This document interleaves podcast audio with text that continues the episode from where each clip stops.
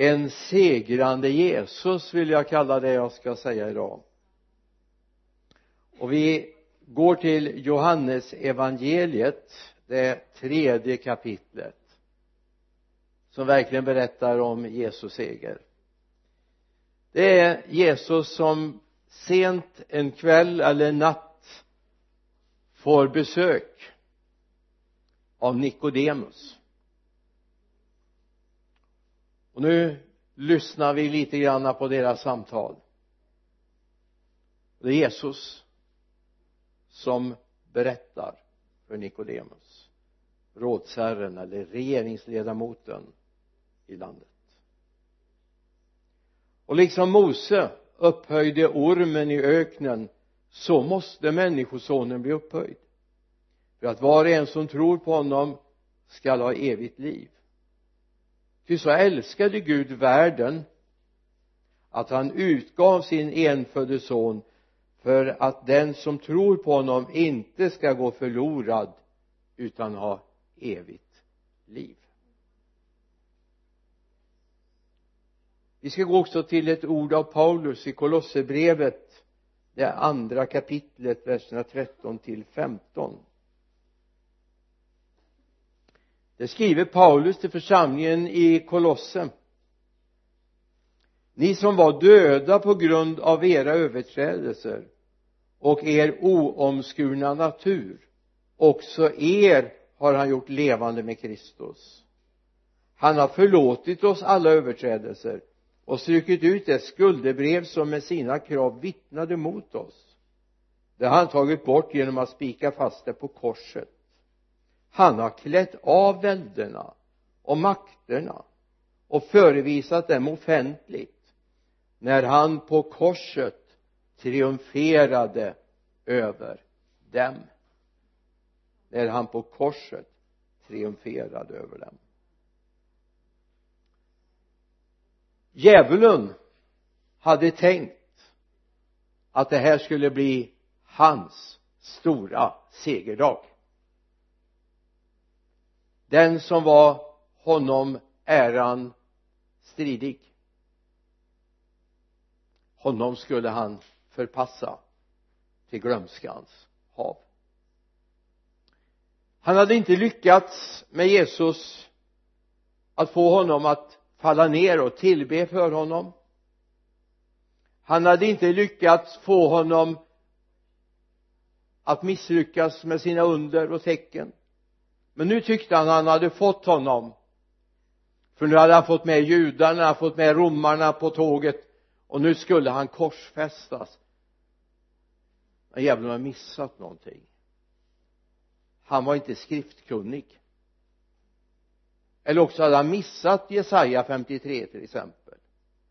Han hade missat vad som berättades om denne man för djävulen var medveten om att han inte bara sa sig vara Messias han visste det. Och därför skulle han röjas ur vägen. Och det som skulle bli djävulens triumfdag långfredagen anno år 33 cirka eller tillredelsedagen dagen före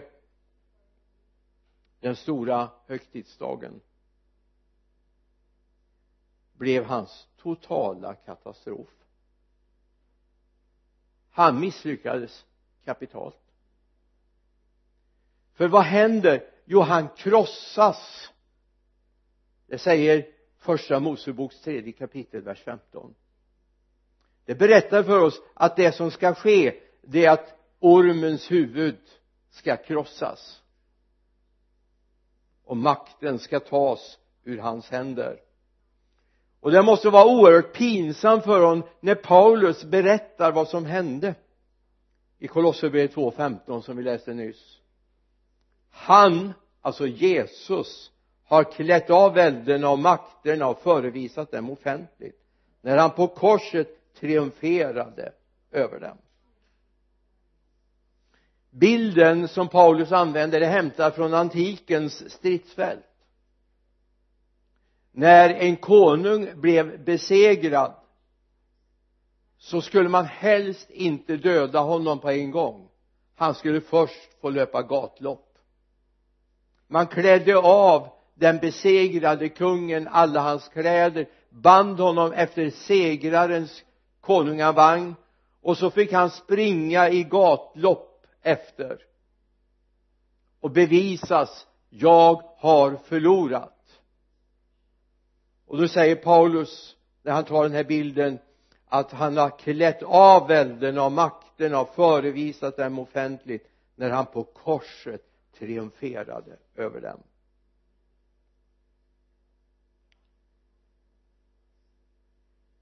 Det har Gud gjort för oss. Djävulen försöker fortfarande säga att han har makt. Han går omkring som ett rytande lejon. Ja det gör han än men bibeln säger också att vi ska stå emot djävulen för då kommer han fly ifrån oss. Därför han har ingen makt. Han har alls ingen makt över dig om du håller dig till honom den segrande Jesus. Men han försöker ju få oss att tro att han har sån makt.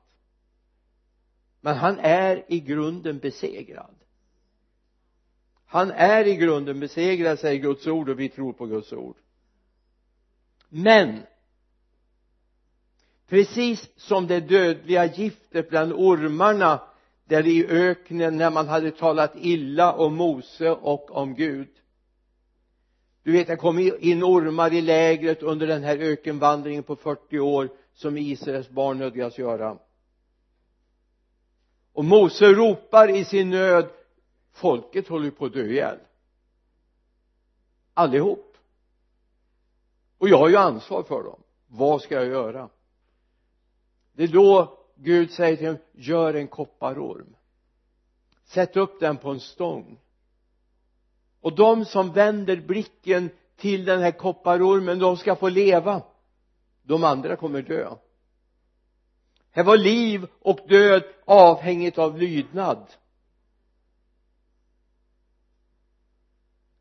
Och de som vänder blicken mot den här kopparormen som Mose fick göra de fick liv.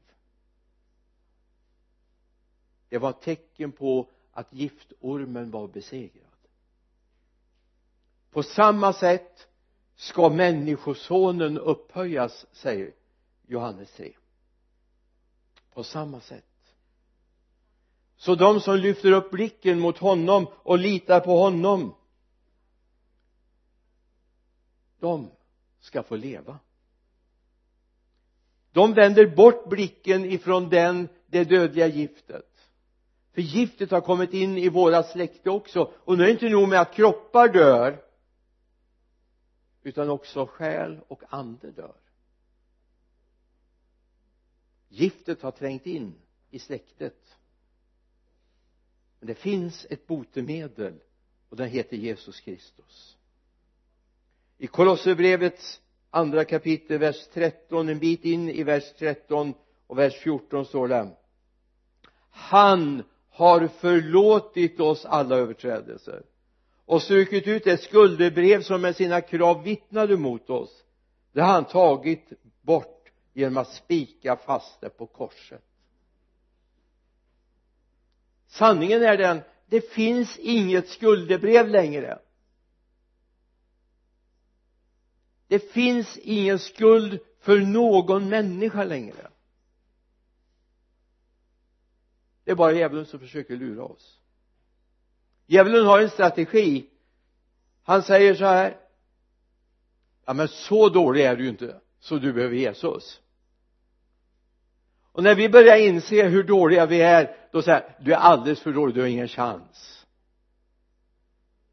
Det är djävulens dubbla knep å ena sidan ja men du är ju inte sämre än någon annan. Eller när du upptäcker hur illa du egentligen har levt så säger ja men för dig finns det ingen chans. Du är alldeles för syndig. Du är alldeles för dålig. Och du kan inte göra rätt saker och du är inte lagd åt det hållet så du blir inte någon, någon eh, överlåten människa. Men tro honom inte skuldebrevet är utplånat. Jag berättade igår kväll när vi var i Lidköping hur det var i den handelsbod jag gick och handlade i när jag var barn. Där kunde man handla på bok. Jag vet inte om ni vet vad det handlar om men man betalade en gång i månaden. Man kom till handelsboden man köpte sina varor det skrevs upp i en bok. Och sen när månaden kom och man kom och skulle betala man har fått sin lön ja, kanske inte månader, det var nog 14 dagars lön oftast då kom och skulle betala sin skuld. Så ställde sig handelsmannen så räknade han ut hur mycket man var skyldig. Och så fick man betala det. Och så tog han en tjock penna och så strök han ett streck över. Skuldebrevet var utplånat. Men inte fullständigt. Jesus gjorde likadant men han tog ett steg till. Han tog ett steg till han tog och rev ut bladet. Och så tog han med det på korset. Och så är det utplånat för evigt. Nu kan man inte ens se vad skulden var. Det är borta. Och nu handlar det inte längre om din skuld. Nu handlar det om om du tror på det och tar emot betalningen eller ej. Det är det som det handlar om efter långfredagens eller den goda fredagens budskap i första Petrusbrevets andra kapitel vers 24 läser vi. Och våra synder bar han i sin kropp upp på korsets trä för att vi skulle dö bort från våra synder och leva för rättfärdigheten. Och genom hans sår har ni blivit botade. Precis som Israels barn för att överleva var tvungna att vända blicken upp mot korset så behöver vi också göra det. Mot honom det handlar inte om om du har syndat mycket eller syndat lite gjort stora felsteg eller små felsteg. Det är inte det det handlar om. Utan det handlar om tror jag på honom eller ej? I fråga om synd ty de tror inte på mig säger Jesus. Det står inte i fråga om synd att de har gjort så fruktansvärda saker utan i fråga om synd för de tror inte på mig. De tror inte att jag har betalat priset. Det är det det handlar om. När du vänder blicken mot honom. En långfredag, en påskdag, en midsommardag eller juldag eller en vanlig vardag. Så finns det någonting du får i utbyte mot din skuld. En helad gemenskap med Gud. En helad gemenskap med Gud först då kan du få upptäcka ja men jag är älskad av Gud. Jag är älskad av Gud. Och det, det är ett steg till. Det är inte bara att jag vet, jag har läst att det står att jag älskar jag får känna det. Jag får känna det. Jag får uppleva att jag är välkommen in i hans gemenskap oavsett hur min historia ser ut. Den är oväsentlig. Den är borta den är uppspikad på korset den är bortburen för all evighet. Så nu vill jag till för oss att ha blicken fäst på honom. För genom sonen Jesus Kristus får vi gemenskap med Gud fader själv. Skaparen upprätthållaren den gamle. Du får använda vilken synonym du vill. Vi får ha gemenskap med honom. Och genom Jesus Kristus får vi del av honom. Hebreerbrevet skriver i tolfte kapitlet verserna 2 och 3 och låt oss ha blicken fäst på Jesus trons upphovsman och fullkomnare som istället för den glädje som låg framför honom utstod korsets lidande. Utan att bry sig om skammen som nu sitter på högra sidan om Guds tron. Tänk på honom som som måste uthärda sådan fiendskap från syndare. Annars tröttnar ni och tappar modet. Eller Filipperbrevet det skriver Paulus i andra kapitlet verset 7 och några verser framöver. Från mitten av sjunde versen börjar han som till det yttre var som en människa ödmjuk alltså blev lydig ända till döden, döden på korset därför har Gud upphöjt honom över allting och gett honom det namn som är över alla namn. För att i Jesu namn alla knän ska böja sig i himlen på jorden och under jorden och alla tungor bekänna Gud fadern till ära att Jesus Kristus är Herren.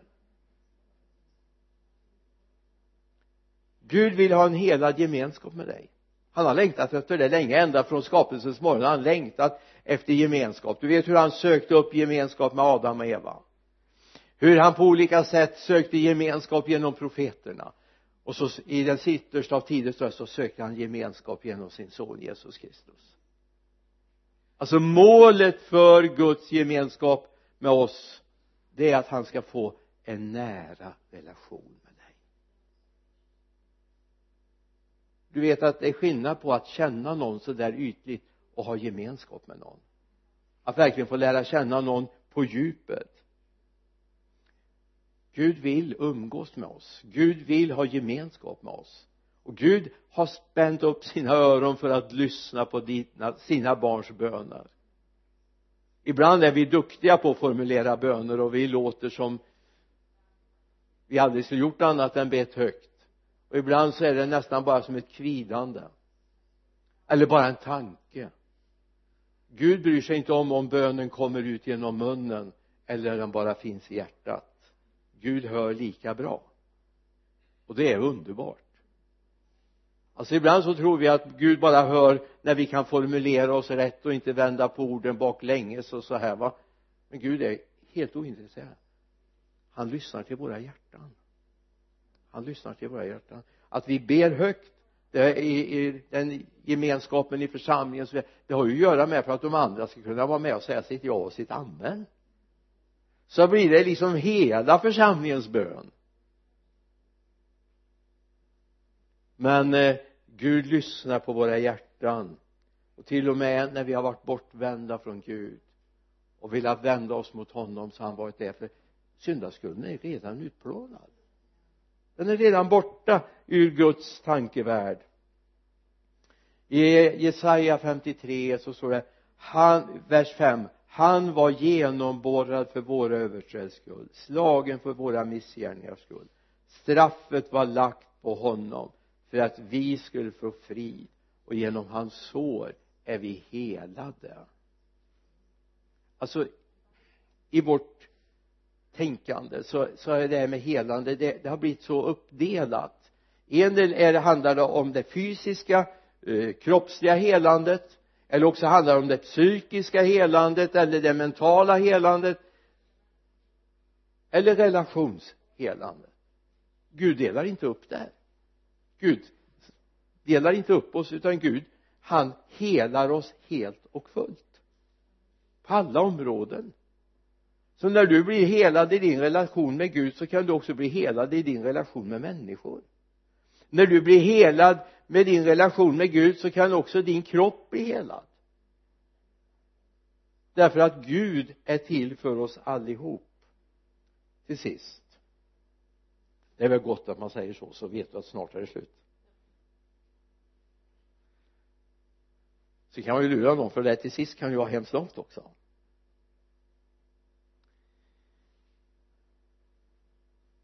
På korset. Upphöjs Jesus. Det är en början till hans upphöjelse. Alltså i vårt mänskliga tänkande skulle vi kunna tänka att det är ett förnedrande. Att bli upphängd på ett trä det är ju en förbannelse säger ju gamla testamentet va? Förbannade var en som är upphängd på trä. Citerat också i nya testamentet. Men i Guds ögon så är det här en upphöjelse. Och då börjar någonting hända. Alltså när vi börjar bekänna att han är den upphöjde till och med när han hänger på korset. Och så småningom så tar Gud honom hem.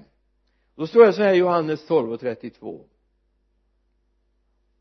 och när jag har blivit upphöjd från jorden ska jag dra alla till mig detta sa han för att ge, eh, att ange på vilket sätt han skulle dö. Alltså det här handlar ju inte då bara om att yes en dag ska han bli upphöjd den förhärligade. Utan här talas det faktiskt om hans korsfästelse. Han blir upphöjd. Och där börjar en attraktion från hans sida. Och han kommer dra människor till sig alla kommer inte bekänna honom som Gud. Alla kommer inte bekänna honom som Guds son. Alla kommer inte bekänna honom som den högsta av allt. Men det kommer att fler och fler bekänner sig till Jesus. Det finns en attraktion i Jesus Kristus. Och när vi börjar upptäcka att vi inte behöver göra massa goda gärningar för att få komma till Gud alltså allt för ofta så tror vi så här att bara vi gör det och gör det och gör det eh, vi vallfärdar hit och vi vallfärdar dit och så, så då kommer vi bli bli upphöjda av Gud och, och få komma till honom. Eller att vi gör dagens goda gärningar. Jag har varit scout och då gjorde man dagens goda gärningar och sen tänkte man så här nu har jag gjort min goda gärning för den här dagen så behöver jag inte göra någon förrän imorgon. Och så uppfyllde jag scoutlagen och så lärde man ungarna att göra goda gärningar när jag blev scoutledare och så småningom scoutchef. Och det är väl bra att man gör goda gärningar. Det är bättre att göra goda gärningar än dåliga gärningar, eller hur? Det är bättre att hjälpa en gammal dam över gatan så hon inte blir påkörd än att stå och titta på när hon blir påkörd. Eller hur? Det är ju jättebra. Men det är ju inte sådana gärningar jag behöver göra för att jag ska bli upprättad av Gud. Utan det är nåd. Och sen naturligtvis gör jag goda gärningar därför att jag har fått ett gott hjärta från Gud.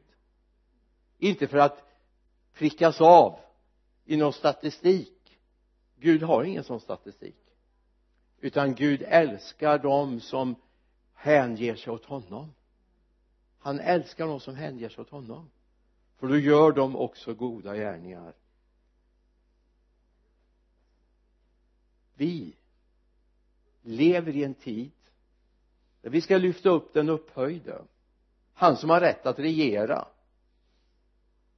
Konungen med rätt att regera. Vi lever i en tid med kungahus lite var, här och var i vår värld som är väl trevligt i och för sig då men det är inte så många som har så mycket att säga till om. Jag vet ju inte hur det var med vår kungs brev till Saudiarabien. Jag har ingen aning om vad det stod i det brevet men vänliga hälsningar eller något sånt där. Jag vet inte vad det stod. Men vår kung han har makt. Han har rätten att regera. Och det bryter lite grann i våra tänkanden ibland vår Gud har rätt att regera. Vår Gud har rätt att bli upphöjd.